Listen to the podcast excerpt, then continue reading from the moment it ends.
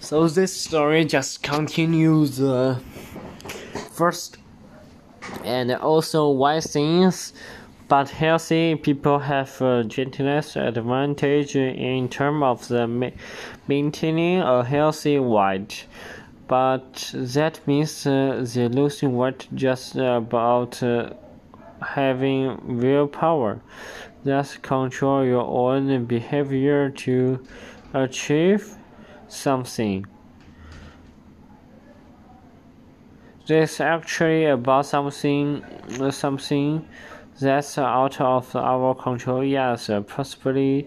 Let's hear from the study's author, Stefan Omonchi.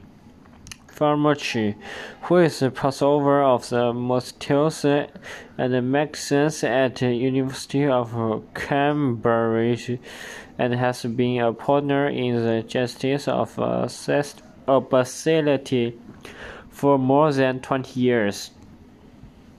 Obesity, of course, is where someone is very overweight in the way that is dangerous, is uh, dangerous uh, for their health.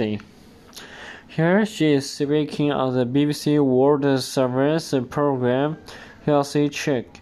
What does she say might be one of the benefits of their research for people who were on what it actually can be very helpful in trying to get them to come to terms with some of the difficulties they might they may be having but also help helps them engage with help and support to try and encourage what lose.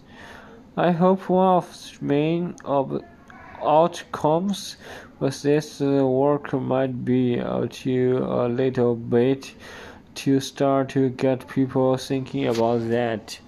So keep you about that and. Uh, I hope one of the main outcomes because of this people are be to a little very judge judgmental and uh, tend to think uh, look of look if I can stay thin uh, stay thin and uh, control my weight and why can why why can't you and uh, why what I should stay, say to that is well the data data data now shows your prosperity quite clearly in terms of the chances that you have rather than just being either morally superior or having better willpower.